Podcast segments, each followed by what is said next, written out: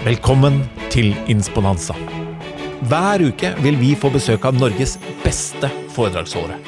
Det alle gjestene våre har til felles, er at de er her for å inspirere deg, og at du kan booke de på athenas.no. Jeg er Sigurd Granmark, og jeg er programleder og konferansier for konferansen Insponanza. Mer informasjon og billetter finner du på athenas.no. Velkommen til Insponanza. Nå om dagen så ser jeg på Designated Survivor på Netflix. eh, Med, mm, om den amerikanske presidenten og The White House. Og dagens gjest han heter Torgeir Waterhouse. Altså, Det navnet kunne gått rett inn i den serien. Eh, Det er eh, Jeg syns at det temaet vi skal snakke om, det er noe næringslivet og livet vårt blir angrepet på på alle kanter. Og vi snakket før vi gikk på her om onani med teknologi, eller tekno-onani. Eh, Torgeir Waterhouse, velkommen. Takk. Skal vi prate om onanering Du kan gjerne gjøre det. med teknologi? Med teknologi. Og da igjen tilbake til som jeg sa, at du må skille mellom teknologi og onani, som vi ser masse av rundt oss. Alle står i kø for å si noe høyere og tydeligere om teknologi og har investert i den dingsen og den dingsen og sånn og sånn og sånn, versus onani med teknologi, som jo er å anvende teknologi. Ikke bare drive og, og, og hype den. Hvis du skulle tatt det sånn ehm, Og du trenger ikke å vise til noen forskning, eller sånn, men er det sånn at vi driver og skaper og produserer masse teknologi som vi ikke bruker? Går det an nesten sånn å si at nesten sånn halvparten av det vi lager, har vi egentlig ikke bruk for?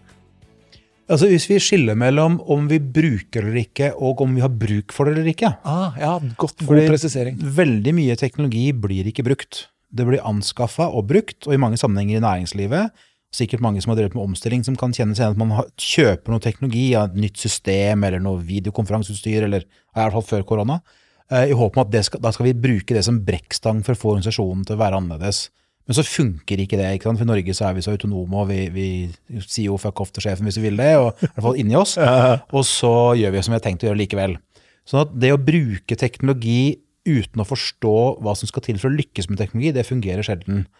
Og det gjør jo at det er masse teknologi som står rundt omkring som vi har bruk for, men vi bruker den bare ikke, eller vi bruker den feil. Og det som er fascinerende med teknologi, er at hvis den er ny nok og nær nok vår livssituasjon eller arbeidssituasjon, så har vi gjerne masse meninger, og du brukte begrepet 'angrepet av'.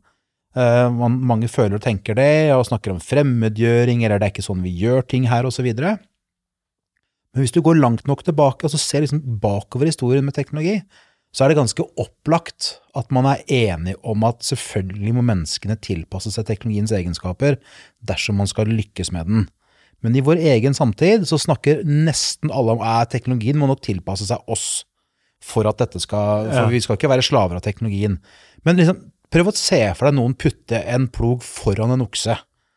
Prøv å se for deg at man, tar, eh, at man tar høy og stapper inn i bensintanken på en bil. For det er jo det vi pleier å drive med her. Vi putt, putter høy inn i motoren vår. Ja. Og det virker ikke med en bil. Selvfølgelig skal vi tilpasse oss teknologien. Det betyr ikke at vi skal forlate det menneskelige, forlate verdiene våre. Men hvis vi skal lykkes med en teknologi, så må vi benytte teknologien til det den er god til. Og ikke prøve å tvinge den inn i formen til den teknologien vi benytta før. Nei. For det blir begrensende. Eh, Er det, Ja, eller eh, ødeleggende. Ja, ja, eller ødeleggende. Er det i næringslivet, da? Eh, og den endringsmangelen noen ganger, på endringsvilje og endringsevne. Men er det stort sett fram til nå det samspillet du sa i stad, teknologi og samfunn, og teknologi og næringsliv, er det ofte menneskene som er forutsetninger for at teknologien skal bli lønnsom? Ny teknologi skal bli lønnsom? Ja, det kan du jo godt si at det er. Altså, det, du må ha selvfølgelig flere faktorer, men, men det er klart at hvis vi ikke tar i bruk teknologien på en måte som gjør at den gjør oss mer effektive, eller en prosess mer effektiv, så så vil den antagelig ikke bli lønnsom. Så hvis du har et forhold til, eh, til en anvendelse av en teknologi, altså, la oss si nettsider eksempel. Eh, hvis du husker, ikke du, du hvis du har vært heldig, så har du ikke trengt å vite noen ting om åpningstiden til Nav som arbeidssøker. Men for noen år siden så hadde Nav det sånn på nettsidene at du kunne jo levere timekort på nettsidene. Det er jo kjempebra. Et av mange eksempler på at Norge har vært tidlig ute og langt fram med både teknologianvendelse og det å gjøre eh, etablerte prosesser på nye måter. Samtidig så var den, det timekortsystemet på nett det var stengt fra 11 om kvelden til 7 om morgenen. Fordi ingen har bruk for å levere timekort på kvelden, så da kan vi jo stenge litt og så gjøre noe vedlikehold i bakkant. Så det er ineffektivt og håpløst. En helt håpløs tilnærming. Så kan man diskutere masse om behov og hvorfor og, og hva opp, fram og tilbake, opp og ned. Men, men, poenget er at skal du lykkes med teknologianvendelsen, så må du la teknologien bli anvendt, og så må du være oppmerksom i mye større grad man ofte er på brukernes interesser, brukernes behov, brukernes verdier, hva som driver prosesser. Og ikke forsøke, som jeg sa i sted, å tvinge teknologien til å agere på en bestemt måte. Og det er jo her, i dette landskapet her vi ofte feiler, fordi vi snakker så mye om og er så bevisst på hvordan vi er organisert. Hvordan enten det er hverdagen vår eller handlemønsteret vårt eller hva det måtte være. Legg bare merke til eh, f.eks. debatten rundt skattekontorene. Eh, når man får, ved flere runder har sagt at ok, men nå må vi sentralisere, og ikke nødvendigvis da i Oslo, men på ett punkt, og det, det kan være anywhere. Kan være utafor Norge for den del, sånn, selv om, i hvert fall hvis vi ser bort fra lovverk og regelverk. Men hvor som helst i Norge så kan man putte maskinene som behandler skattesystemene og behandler og beregner dataene. Men da blir det jo synlig at man ikke har bruk for skattekontorene rundt i landet på samme måte som nå. Og derfor så blir det stoppa hver gang, fordi at man skal jo ikke ta bort arbeidsplassene, dvs. Si hvordan menneskene har organisert seg. Og det man skal være klar over når man ser på organisering, enten det er det du og jeg driver med, eller, eller det er butikken utafor her, eller restauranten, og selv om alle de er stengt nå, så er jo det resultater av teknologi vi hadde før, som var ny en gang. Og hvis du ser på bokbutikker, f.eks., altså sånne fysiske, så er jo de et resultat av et behov for å ha boka nær personen som skal kjøpe den. Fordi den var fysisk, så du måtte frakte den ut til markedene, og så kunne noen komme og se på den og kjøpe den og ta den med seg. Mens i dag så trenger vi ikke den, den fysiske plasseringen lokalt, fordi vi bruker nettet, og det betyr at du og jeg er like nære bokbutikken uansett hvor bokbutikken er, og uansett hvor du og jeg er. Men hvis vi forsøker å tvinge online-butikkene inn i malen til de fysiske butikkene, så vil det jo ikke lykkes. Verken for brukerne, eller for kundene, eller forfatterne. Ikke for noen. For det har ingenting med andre å gjøre?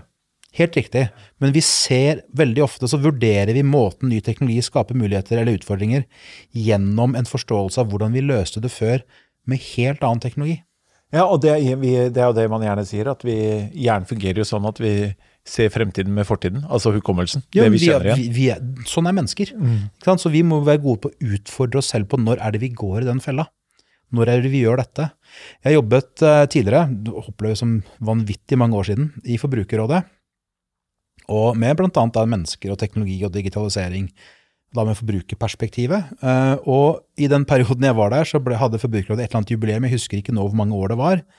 Og da drev jeg noen, noen kolleger og romsterte rundt i arkiv og fant noen gamle saker osv. Da fant vi bl.a. ut at Forbrukerrådet i sin tid, i tillegg til det famøse motstanden Forbrukerrådet hadde mot uh, skateboard, også var mot lettmelk. Fordi lettmelk bidro til unødvendig kjøpepress. For de som ville ha lettmelk, de kunne bare kjøpe H-melk og skomelk, og så kunne de blande selv. Ja.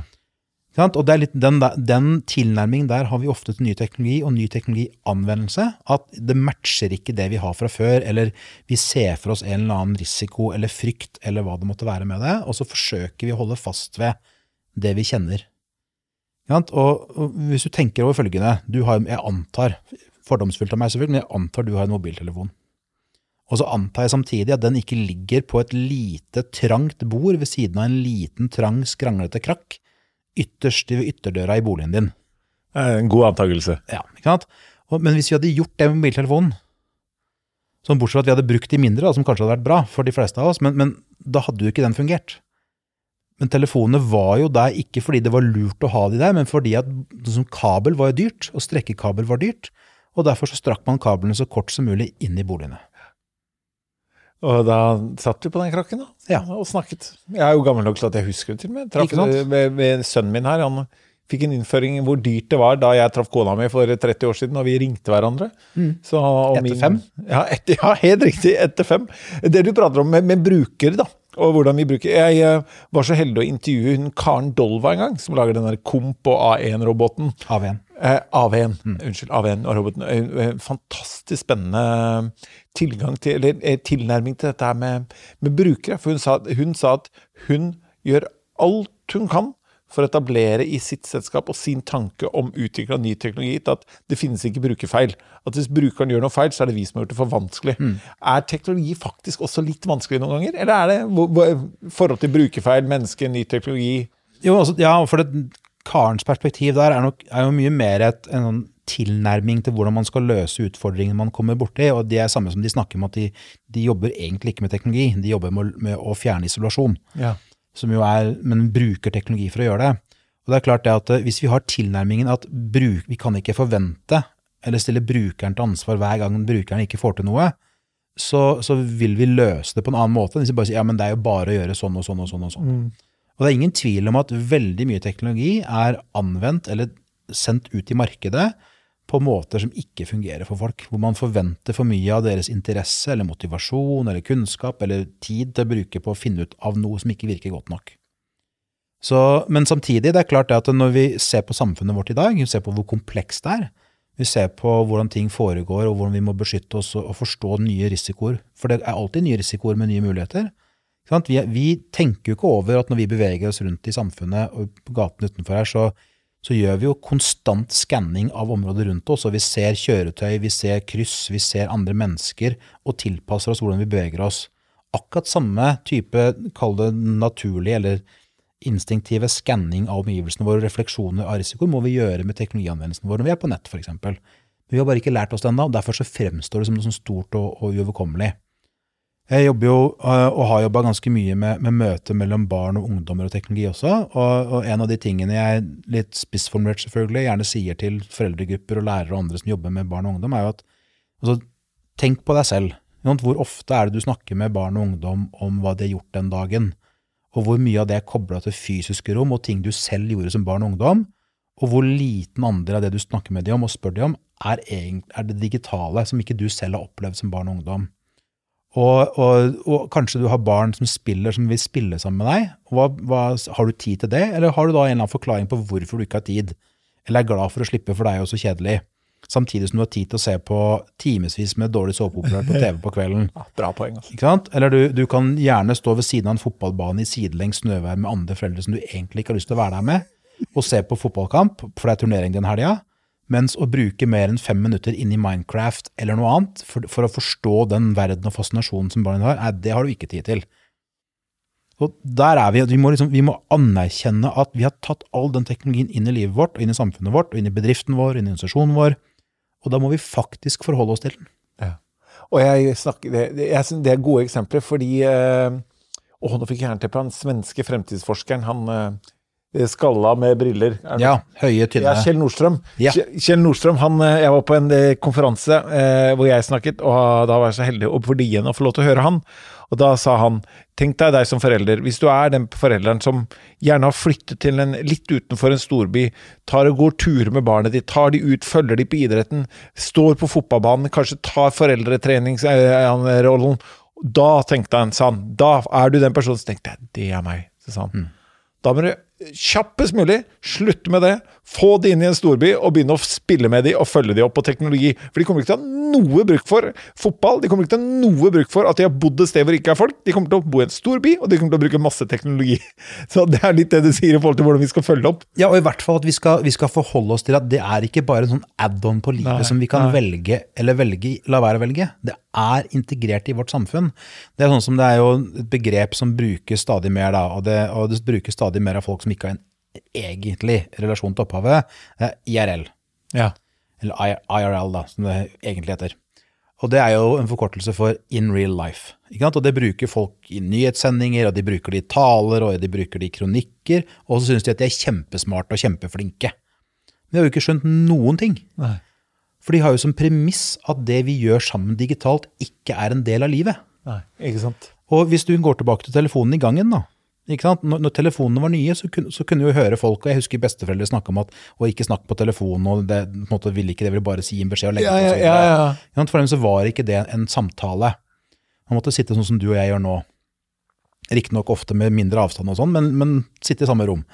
Uh, og, uh, og nå er mange som er der på det digitale og sier at det er ikke ekte. Er, de snakker om IRL som en motkraft til dette digitale. Men selvfølgelig er jo en samtale noen har over nettet, enten det er med lyd eller bilde eller begge eller tekst eller hva det måtte være, eller emojis for den del, selvfølgelig er det en samtale. Det er bare en samtale på en annen måte enn vi og våre foreldre har vokst opp med.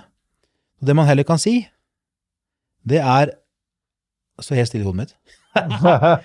AFK, Ja. eller AFK, da. Away from keyboard. Ja. ja og det, det minner meg om Vi hadde Sunniva Rose her. Mm. Uh, hun sa og hun, har et foredrag som heter 'Jeg hater ordet naturlig'. Fordi folk skal liksom ha en sånn definisjonsrett på hva som er naturlig. Og det naturlige er det sunne, sa hun. Sa masse av det mest farlige, det er det som er naturlig, som skjer og oppstår i kroppen din. Og alt som er på en lab eller annet, er liksom unaturlig. Og det blir litt som den, det du sier nå, at det er, det er, om det er in real life eller om det er unaturlig altså Det er, det er sånn man lever livene sine nå. Jeg tror vi bare må forholde oss til det. Og jeg, jeg er, tror jeg, om ikke er formann, så er jeg i hvert fall et, et høyt aktivt medlem i den klubben som eh, altfor lenge så på den der følge opp fotball, stå på sidelinja og ikke spille så mye. Og, og jeg var heldigvis stoppa jeg, for jeg ga for mye sånn antall timer, og jeg er litt opptatt av andre ting. Nå det poenget er, at. Mm. du, det er viktig med den fotballen, eller noe annet, fordi det handler om å, å møtes mellom mennesker og lykke, også det sosiale møtet som mennesker. Og det kan, være, det kan være at det er viktig å si til noen at vet du, hva, du, du må ha en begrensning på så mye spilletid per dag. Ikke fordi så mye spilletid per dag er noe viktig i seg selv, men fordi alle vi mennesker er forskjellige, og noen kan spille i det uendelige uten problem. Andre trenger ut å røre seg, eller blir dårlig humør, eller mister konsentrasjonsevne, eller får ikke sove. Akkurat som jeg kan drikke kaffe til jeg skal legge meg, og så kan jeg gå og sove. Andre kan ikke drikke kaffe etter lunsj, hvis ikke så får de ikke sove. Så det handler jo om at vi må forholde oss til teknologien som de menneskene vi er, og med de forskjellighetene vi har. Og med de forskjellige egenskapene og de forskjellige utbyttene vi har av det. Noen hater å lese på skjerm, andre er det supert for. Sant? Og jeg er helt sikker på at når det bare går nok tid, og når teknologien vi bruker til å lese har utvikla seg nok, så blir det slutt på det der snakke om at det er bedre å lese på papir enn på skjerm. Men vi er Det handler om skjermtyper. Ja. Det handler om hva slags lys som er i skjermene. Det handler om hvordan vi organiserer rundt oss per i dag. For mange formål så er det jo opplagt at det er bedre å lese på papir enn på skjerm. For det er blant annet du kan skrive på der, du kan bla fram og tilbake. Det er, altså med andre ord, det er kjapt å navigere, mens det er treigt å navigere på en del skjermbaserte systemer. Og så må vi også da være gode på å sammenligne hva, eh, ut fra de forskjellige egenskapene, oppsidene og nedsidene. Og så må vi være opptatt av at vi skal bruke de verktøyene som er best for oss, ikke om det er digitalt eller ikke. Ja, helt enig. Det er jo ikke det viktige. Og, og, og så må vi huske da, når vi snakker om teknologi, at teknologi er jo ikke noe nytt. Plog er teknologi. Ikke sant? Ja. Sånn øks er teknologi. Klubbe er teknologi. Men det er bare at vi har nyere teknologi enn vi hadde før. Og um, i mange av disse debattene jeg har vært i med folk om teknologi, annet med, med en, en, og det er jo for samme hva, hva vedkommende heter, men om Steinerskolen en om de skulle få fritak eller ikke for å bruke datamaskiner i undervisningen. Og da, da var det noen som sa at jo, men vi, vi, vi tror at, eh, at det, som, det som er omtalt i Rudolf Steiners skrifter, det er det vi skal forholde oss til. Og det er helt fint å ha det som livsfilosofi. Da må, du også være klar at da setter du en strek i sanden og sier at alt hit, alt fram til nå, det bruker vi. Alt etterpå, det er for, for å pirke litt i Sunniva, da. Det er unaturlig. Ja, ikke sant? Og eh, jeg, jeg tror off, ja, jeg er jo veldig redd for eh, sånne farlige prinsipper. Vi skal ikke gå for mye dit, men det er jo mange som har skrevet ting som blir begrensende. Eh, det du sa med øks. Øks er teknologi. Eh, og øks er en, eh, noe du kan hogge ved med. Bruker du den annerledes, så er det noe du kan ta livet av folk med. Og sånn er det med en kjøkkenkniv. Du kan skjære brød med den. Vender du den, så er det en våpen. Og sånn er det jo med teknologi også. Du nevnte så vidt det var før vi gikk på her. Dette, vi, vi var innom Putin, og, eh, og jeg nevnte Designated Survivor cyberattacks. og hvor, hvor, hvor skummelt er teknologi med Vi har jo Stortinget som har blitt angrepet et par ganger. Ganske alvorlig virker det som, for en eh, som bare får dette her gjennom nyhetene på TV. Hvor alvorlig er teknologi på en sånn eh, sikkerhetstrussel? Veldig. Og det er, men, men, men igjen, det er jo ikke noe nytt. Men det som, det som er nytt, og som for så vidt starta med internett, det er jo at, eh, at da kunne man da kan man, Når det begynte med internett, og, og da frem til i dag, så betyr det at du kan gjøre angrep over nettet, dvs. Si på avstand, som du før måtte være inntil noen for å gjøre. Og det litt fascinerende med det er hvis du tenker at ringen er litt slutta, da. fordi at eh, grunnen til at vi har internett, eller at det ble start, utviklingen ble starta, da het det ARPANET, det var pga. Sputnik. Den satellitten Ja. som gikk i bane rundt jorda, som Sovjetunionen da skøyta opp. Fordi det var den var sentral i å skape en forståelse i USA for at nå er vi ikke lenger beskytta av verdenshavene. Så nå må vi begynne å jobbe med teknologi og forsvarsmekanismer på en annen måte. Så de starta å utvikle det som ble internett, for å ha kommunikasjonssystemer som kunne, hvor innholdet i kommunikasjons- og pakkene, datapakkene, enkelt og greit, kunne, eller kanskje kompliserende nok, kunne bevege seg i mange forskjellige retninger. Sånn at ikke man var, ble, alt ble stoppa på at den linja der eller den linja der gikk ned. At pakkene kunne finne sine egne veier. Og Det kalles pakkeswitcha nett, og det er det internett er den dag i dag. Og den første noden på dette ARPANET utenfor USA, det var på Kjeller utenfor Oslo. Ja, for det, det, var det jeg skulle spørre om. Den historien har jeg hørt. Mm. Eh, en kar som jeg ingen gang var på foredrag med. Da jobba jeg på en arbeidsgiver som var på Lillestrøm. Bare, Hæ? Var på Lillestrøm-konferansen og snakka om jeg var med, mm. og det var på Kjeller? Ja, ja, det er flere nordmenn som var helt sentrale der i starten, og som også har navnet sitt på en, en plakett på Berkeley som heter Founding Fathers of the Internet. Og Norge har vi en vanvittig lang og stolt teknologitradisjon som veldig få kjenner til. Vi har den delen der, og så har de, de objektorientert programmering, som veldig mye av programmeringen i verden som gjøres i dag, er basert på, er fra Norge. Vi har mobilteknologi, hvor veldig mye stammer fra Norge, og folk i Norge har vært sentrale i det. Vi har weben, også, som er hvor folk fra Norge har vært sentrale i det. Så det er masse sånne ting, og i Norge så har vi mye spisskompetanse på teknologi. Samtidig så er vi nesten ingen mennesker. Nei. Det betyr også at vi er veldig avhengige av verden for øvrig i vår teknologianvendelse. Men for å bringe det tilbake da, til, til Stortinget og angrepet på Stortinget, som du dro opp, det er klart det at eh, det er alvorlig. Og da eh, må vi også samtidig huske på at det har alltid vært angrep på demokratiske institusjoner.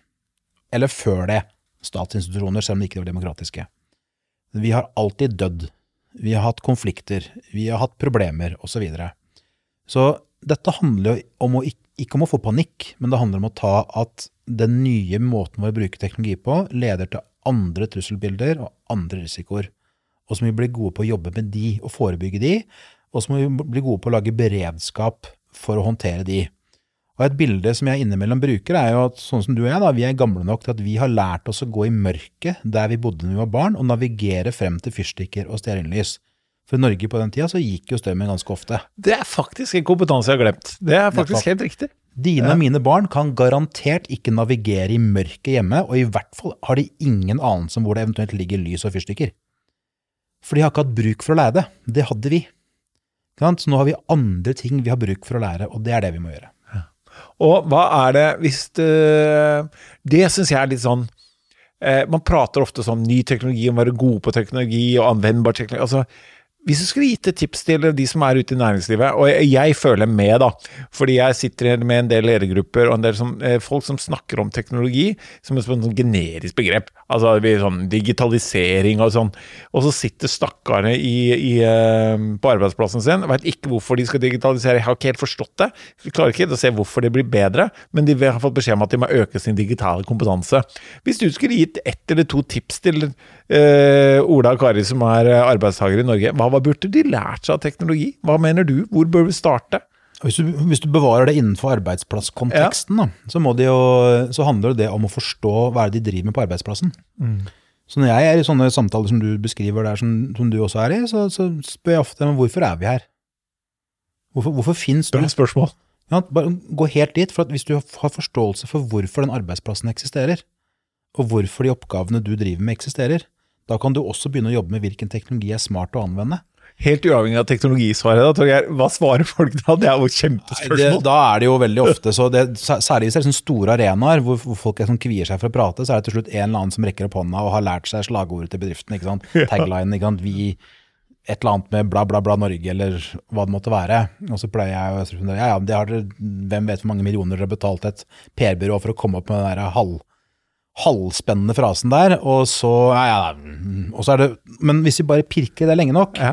Og gjerne hvis det er offentlig sektor sier sånne ting, og husk at offentlig sektor finnes ikke for sin egen del, offentlig sektor finnes for, fordi vi som samfunn ønsker å oppnå noe, så kommer man etter hvert fram til hva dette faktisk handler om. Og da kan vi begynne å snakke om teknologi, hvorfor vi skal anvende det, hvordan vi skal anvende det, på hvilke premisser vi skal anvende det, osv. For det handler om å forstå hva det er vi egentlig driver med. Ikke om er, man blir målt på om man har sånn eller ikke har sånn. Nå for tida så er det viktig å si AI. Ja. Hvis du bare sier AI ofte nok, så er du kjempemoderne og ordentlig fremoverlent og spennende og sikkert effektiv og attraktiv arbeidsplass og hva det måtte være. Så bare si AI ofte nok, så er du veldig bra leder. Ja, ja, jeg- det er så mye sånne buzzwords som de slenger rundt seg, som jeg har forstått at når jeg begynner å spørre litt, av også interesse for at ikke jeg kan nok selv, da, så, så blir det jo tynt. Så det, eh, for de som sitter der ute og vet at de må øke sin digitale kompetanse, og, de, og vet at selskapet snakker om digitaliseringsprosjekter opp i mente uten å helt vite hva det er, forstå hvorfor dere eksisterer, og hvilket, kall det, problem eller eh, det dere skal løse for en kunde, altså hvorfor hører det til, og da kanskje finne ut av hvilken digital kompetanse må til for å løse dette i fremtiden. Eh, hvor går man da? Er det, noe sånn, er det noen fete nettsider man kan søke seg opp på som, som skriver om dette her, eller er det tynt? Det kan være det i noen sektorer, men det er jo det er nok så enkelt og brutalt som at eh, vi står midt oppe i et ganske betydelig skifte. Det må vi leve med. Vi må søke informasjon. Ofte må vi skape kunnskapen selv. Og, eh, og så må man gå inn i dette med et perspektiv om at vi driver med noe fordi, har, fordi vi har et verdigrunnlag, fordi vi skal skape verdi for noen. Og så må vi ha det perspektivet. Og Det er litt sånn som du kan se på debatten i Norge rundt f.eks. åpningstider i butikker og søndager og ikke søndager. Ikke? Det handler jo egentlig om verdigrunnlag. Hvorfor skal butikken være åpen eller ikke? Hvis du, ser på, hvis du husker tilbake til, til Post i butikk, når det var nytt, så var det mye frykt for at det skulle være et dårligere tilbud, og det var ikke måte på hvor ille det skulle bli, og man trenger da et postkontor. Men det er ingen som trenger et postkontor. Det man trenger, er de tjenestene postkontoret hjalp til med. Det trenger man. Men ingen har bruk for et postkontor. Og erfaringen til de aller fleste er at i det øyeblikket Post i butikk var på plass, så opplevde man at det var jo sykt mye bedre. Fordi det var tilgjengelig på en helt annen måte. Og, og, det er nettopp det her det handler om. Hvordan kan du bruke teknologi for å gjøre det du skal drive med, bedre? Eventuelt mer effektivt, eller morsommere, eller mer sexy, eller mindre skummelt, eller hva det måtte være. Og da, eh, som leder, og noe av det jeg er veldig opptatt av når jeg da med og jobber med ledere om teknologi, det er jo men greit nok, hvilke muligheter gir det oss? Hva, hvordan utfordrer det kompetansebasen vår? Hvordan kan det, kan det være med å gi oss en edge i det markedet vårt? Hvilken sikkerhetsrisiko er det det drar med seg? Har jeg forståelse for hvilken sikkerhet vi nå eh, må håndtere på en god måte? Svaret på det er nesten alltid nei, selvfølgelig. Men, eh, og, og, så, så det, det er litt arbeid igjen å gjøre her, for å si det forsiktig. Men, men nettopp det å, å ha med seg inn i det, hva er det vi skal oppnå? Ikke hvilken teknologi har vi hørt om på en konferanse at er kul, eller hva tror vi at eh, styret syns er stas, eller og så videre. Og så er det noe veldig interessant i en sånn skifte vi kanskje står i nå med teknologi, og det er jo ansattes forventninger. Ja. Fordi, husk på at én ting er du og jeg, og vi syns jo sikkert at vi er utrolig flinke til å jobbe med teknologi i vårt daglige arbeid, og bruker e-post eksempel. Men prøv å finne noen under 20 som, som har et bedre forhold til e-post enn vi har til faks. Ikke sant? Det finner du ikke. Nei. Så, så, det- så det er så perspektiv på også, hva er teknologi, og hva er ny teknologi, og hva er gammel teknologi, og, og hvor lett det er å, å bli sittende fast i hvordan man gjør ting, også når vi syns vi er moderne. Jeg har jo ikke tall på hvor mange ganger jeg har vært i samtale med folk i IT-næringen, og hvor de snakker om den andre, på en måte den, den gamle næringslivsdelen av sam samfunnet, som om noen sånne, sånne, sånne traurige, trege, som ikke er flinke nok til å utvikle seg og ta til seg ny teknologi. Og så snur jeg meg rundt, og så snakker jeg med noen, noen yngre selskaper, som også er teknologidrevne, og som har akkurat samme bilde av den tradisjonelle IT-næringen som den tradisjonelle IT-næringen har av all annen næring. Ja. Så, så det her er med sånn, Hvis du tenker på for din egen del, da. eh, jeg var fordomsfull mot deg i stad med mobiltelefonen din, for du hadde den ikke hadde den. Traffspott. Ikke sant? Og, og så er spørsmålet sånn, når tenkte du sist altså Når gikk det opp for deg at du ikke lenger var den der unge fremadstormende som på en måte eide fremtiden? Ja, jeg har et eh, svar på det, egentlig. Eh, Jeg, jeg skjønte, skal jeg fortelle deg nå jeg skjønte at jeg har blitt gammel? Det var da jeg var på kickoff med jobben, en jobb jeg da jeg var, ikke drev for meg selv, og de unge hadde hatt vorspiel. Ikke sant? Så sa jeg vi har jo ikke hatt vorspiel. Vi har det. Nettopp. Men jeg var ikke med. jeg hadde en lignende opplevelse på et nachspiel. Vi har, eh, Jeg driver en, eh, sammen med noen andre en, en bevegelse som, og forening som heter Like Kids og Koding. Og der hadde vi på et julebord for noen, eller vi har julefest, da, som alltid er i januar, men uh, dessverre ikke i januar i år. Men uh, der hadde vi for et par år siden, så var det plutselig sånn mass exodus. Så bare nesten sånn som om noen hadde avtalt det, det, var, det hadde de nesten gjort òg, så bare var det mange som reiste seg opp og så skulle gå på et nachspiel. Oh, ja. Og så er det sånn, ja, men øh, hva skjedde nå? Og så sitter vi andre igjen og jeg kjenner at jo, vet du hva, det som skjedde nå er et ganske, igjen tilbake til naturlig, Uh, sorry Sunniva, Uh, et naturlig generasjonsskifte og perspektivskifte. Hvor de kommer inn med andre perspektiver, annen forståelse, har en helt annen relasjon til teknologi, og annen relasjon til teknologianvendelse. Og noe av det viktige, det er jo at de som Hvis du kaller det mobiltelefoner, det er et tullete begrep, for det er ikke mobiltelefoner, det er ikke telefoner, det er datamaskiner. Men eh, de som er 15 og nedover i dag, de har ikke opplevd et samfunn, i hvert fall ikke den rike delen av verden som vi bor i, de har ikke opplevd et samfunn uten det vi kaller smarttelefon. Nei. Det har alltid bare vært der. Det er like selvsagt som alt det som var selvsagt for oss når vi vokste opp. Og han 16-åringen min, da, som er midt i den referansegruppa di, han, han, han, han gir seg over. Han, han spurte meg, jeg husker ikke hvor lenge, liksom, Kommer jeg til å sende så mye mail når jeg jobber? For han, han, jeg tror ikke han vet mailadressen sin engang. Sånn. Fordi de bruker med jo ikke. Nei, de bruker jo ikke mail. Hva tror du skjer med mail? Eh, altså, ledere, som både du og jeg møter, det de gjør altså, de, jeg, de, Litt flåsete, men jeg pleier å si hvis ledere spør meg hva er den ene tingen jeg kan gjøre for å bli en bedre leder, da sier jeg lær deg å skrive fortere. Hæ? sier jeg, lær deg å skrive fortere. Ja, lær deg toucher og beskrive mye fortere. Skriver du 20% fortere, det du gjør 80% av tiden din er å skrive, så kan du bruke den tiden du får av å skrive 20 fortere til å lære deg noe nytt. For du kommer til å si at du har ikke tid. Eh, men kommer mail til å være der, tror du? I næringslivet? Ja, altså Hvis du ser på hvor mye annet som fremdeles er der, så tror jeg sjansen er ganske stor at mail kommer til å være der veldig veldig lenge. Men, men, det, men jeg tenker jo, som jeg ofte tenker når jeg er i sånne samtaler, da, at det kanskje det er andre spørsmål vi skal stille. Mm. Og det er en sånn, Jeg er veldig glad i det perspektivet vise til Hitchhiker's Guide to the Galaxy, som er en av mine absolutt favorittbokverk. uh, og hvor de jo kommer frem til altså sånn, De sier altså den da, store datamaskinen, Ja. som jo er egentlig en planet. Uh, nå kommer man frem til at svaret på spørsmålet om hva som er meningen med liv, livet, universet og alt, det er 42. Og så skjønner de at aha, vi har jo stilt spørsmålet feil, for det svaret gir jo ikke noe mening. Så starter de en ny prosess for å finne ut av hva er det egentlige spørsmålet som gir svaret mening. Og det er litt dit vi må. ikke sant? At hva, er det vi egentlig er snakk om? Er det egentlig relevant om vi har mail om 10, 15, 20, 30 år? Det er det samme som på svaret er 42. Ikke sant? Ja. For det, det, det, er, det er jo uvesentlig. Poenget er at vi skal samhandle, vi skal jobbe. Men, men da, er vi tilbake til at vi faller så lett inn i disse sporene Ja. våre og måten vi er vant til å gjøre ting på, fordi det er behagelig, og det har vi, føler vi at vi har kontroll på. Poenget er at vi skal kommunisere. Og en av de, hvis du, du sier at man kan skrive fortere, vel, det man kanskje kan gjøre istedenfor, det er å skifte til andre kommunikasjonsverktøy som ikke åpner for at du kan skrive uendelig langt og legge ved 42 000 dokumenter Og ta med alle på, på kopi, osv. og. Fordi at det er ineffektivt, det. Mens, og hvis du husker starten på Twitter, grunnen til at det er så få tegn på Twitter, er at de lagde Twitter som en kommunikasjonsplattform og et sosialt medium, hvor du ble tvunget til å bruke få tegn, sånn at du måtte være effektiv. Sånn at man skulle være mulig å kunne eh, konsumere disse meldingene, osv. Så, videre. så det å, å heller gå tilbake til hvorfor er det vi holder på sånn som vi gjør, hva er det vi skal oppnå, Eh, hvilke behov har vi som vi skal dekke med teknologi? Etter hvilke premisser, på vegne av hvem? Og, og er vi i stand til å se og forstå disse paradigmeskiftene?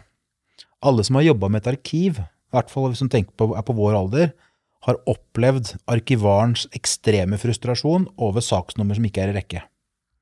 For, for Går man langt nok tilbake, så trengte man jo det, at saksnumrene var på rekke, for å altså kronologisk, for å klare å ha kontroll.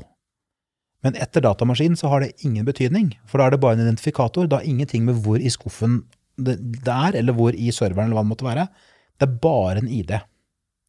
Men det sitter så i det fagmiljøet. Nå er det kanskje annerledes, jeg har ikke snakka med en arkivar om det på en stund, men, men, men det sitter jo så i, for det var på mange måter premisset for å lykkes med arkiv, var jo at numrene var kronologiske. Og det premisset bare opphørte å eksistere i det øyeblikket det gikk over til datamaskiner. Og det er, jo, det er jo de tingene der vi må klare å se. Og da, så, så Det er jo et sånn praktisk eksempel på, på disse skiftene. Og så er jo det et, et, et eh, skifte som vi kan vise til som har vært. Eh, Med tanke på det eh, Jeg må Jeg må finne, jeg må lese den boka. Hva het boka? Det, hvor svaret var 42. Feil svar. Hitchhiker's Guide to the Galaxy. Det er eneste trilogi som er skrevet som er i fem deler. Trilogi på fem deler. Eh, hvis vi skal stille oss det er også Kvaliteten på spørsmålene man stiller, er jo ofte avgjørende. Hvis et selskap, da, en ledergruppe, eller en leder, de sitter der og ok, digitalisering.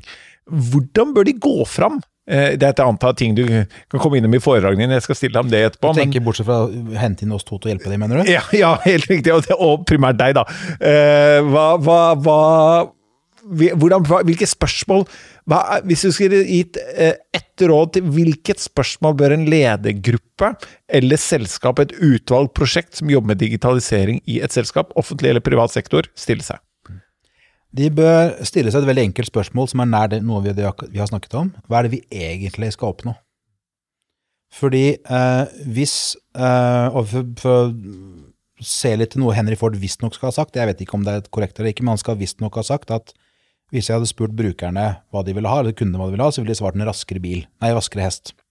Derfor så spurte jeg ikke de, for jeg bare bygde en bil, for det er noe helt annet.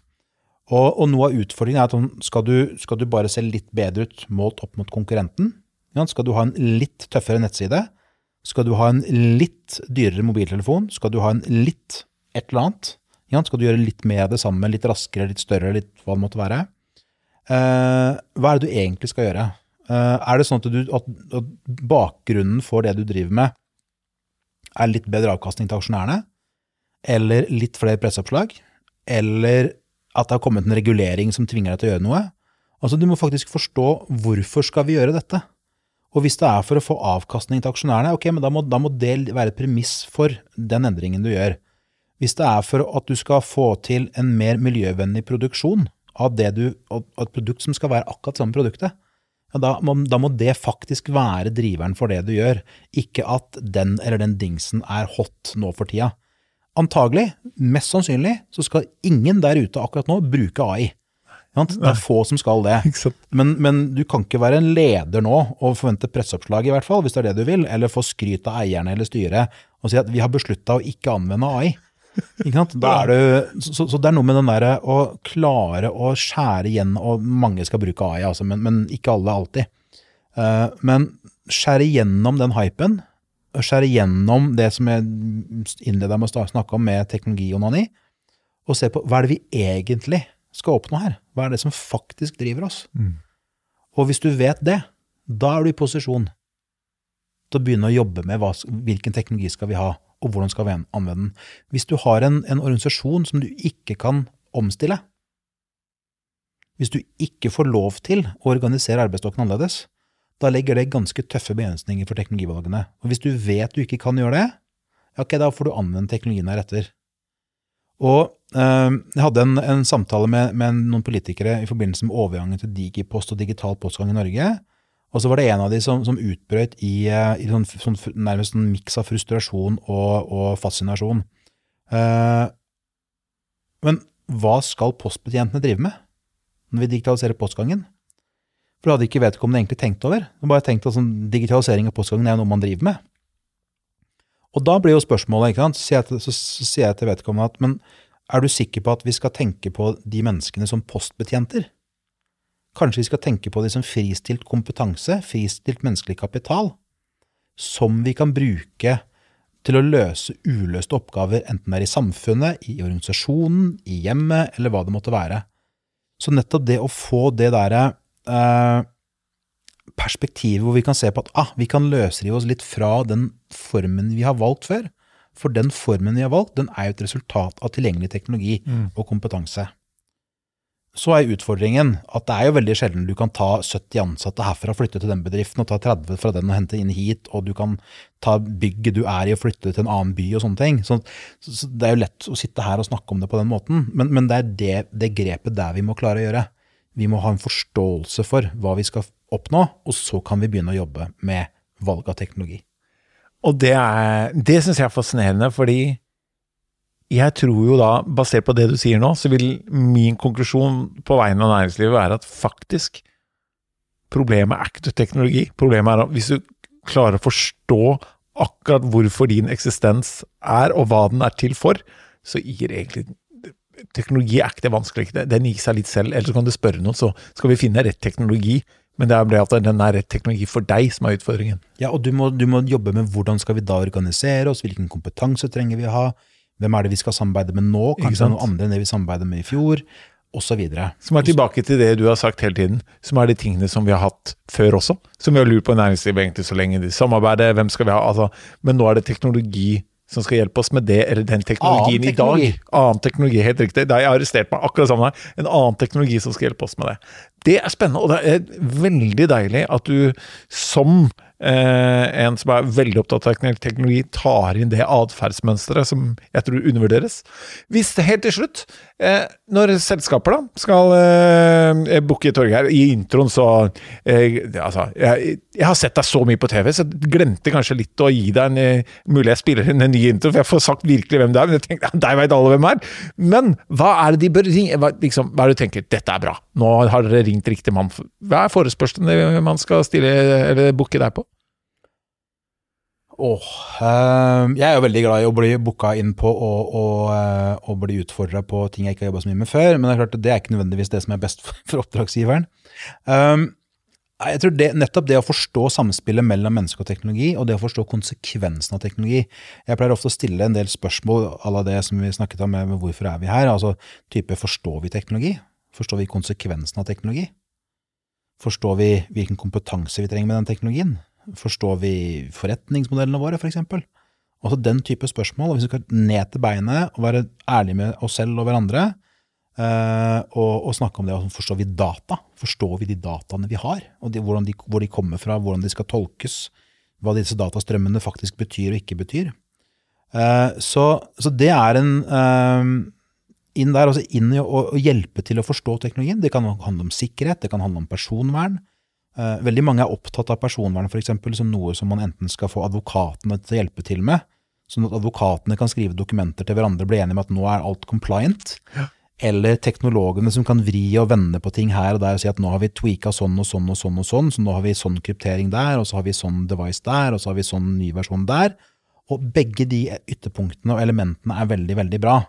Men det man også skal gjøre, er å se dette her i samspill, og forstå, igjen forstå at personvern det handler om mye mer enn juss og teknologianvendelse. Det handler om å forstå ideen personvern. Det handler om å forstå hvordan personvern er annerledes når vi, før og etter internett. Når vi bruker teknologi sånn som vi gjør i dag, versus sånn hvordan vi brukte det før. Og det handler, om, og det handler tilsvarende om på arbeidsplassen, det å gjøre oppgaver. Hvis du skal øh, tenke et bygg du har, da, Altså hvis, når du og jeg jobba primært på papir, så, vi, så, var lys fra vinduet og inn i kontoret, lokalet, noe helt annet enn når du bruker en skjerm. Mm. Mm. Altså, du må forstå, jobbe med å forstå hvordan teknologien påvirker deg, enten det er menneskene, eller det er forretningsmodellen, eller det er kundene, eller det er konkurrentene, for den del, og, og, det, og, og politikken og reguleringen. Og det er også noe av det jeg driver mye med, er det samspillet mellom teknologianvendelse og det man skal oppnå med teknologi, og politikken og reguleringen, for å få dette til å henge sammen. Og til dere som eh, skal booke noe på teknologi, jeg har jo snakket med mange, men jeg må si, Torgeir, til, eh, til din kred, at det å så enkelt klare å formidle hvilke spørsmål man burde stille seg, og være så opptatt av alle aspektene som gjør at vi kan få anvendt den teknologien, det gjør at jeg gir eh, mine sterkeste anbefalinger på det. Gjør det, ring det, og da ringer du til Athenas, da, til disse jentene som sitter der, eller han ene gutten som sitter der, så går du vel bare på det store internettet og taster inn Torgeir Waterhouse og send henvendelse, så kommer du til å få besøk av en kar som kan både utfordre dere og lære dere masse. Det mm. Torgeir Waterhouse. Takk for at du stilte på Insponans. Takk skal du ha. Hver uke vil vi få besøk av Norges beste foredragsholdere. Det alle gjestene våre har til felles, er at de er her for å inspirere deg, og at du kan booke de på Athenas NO.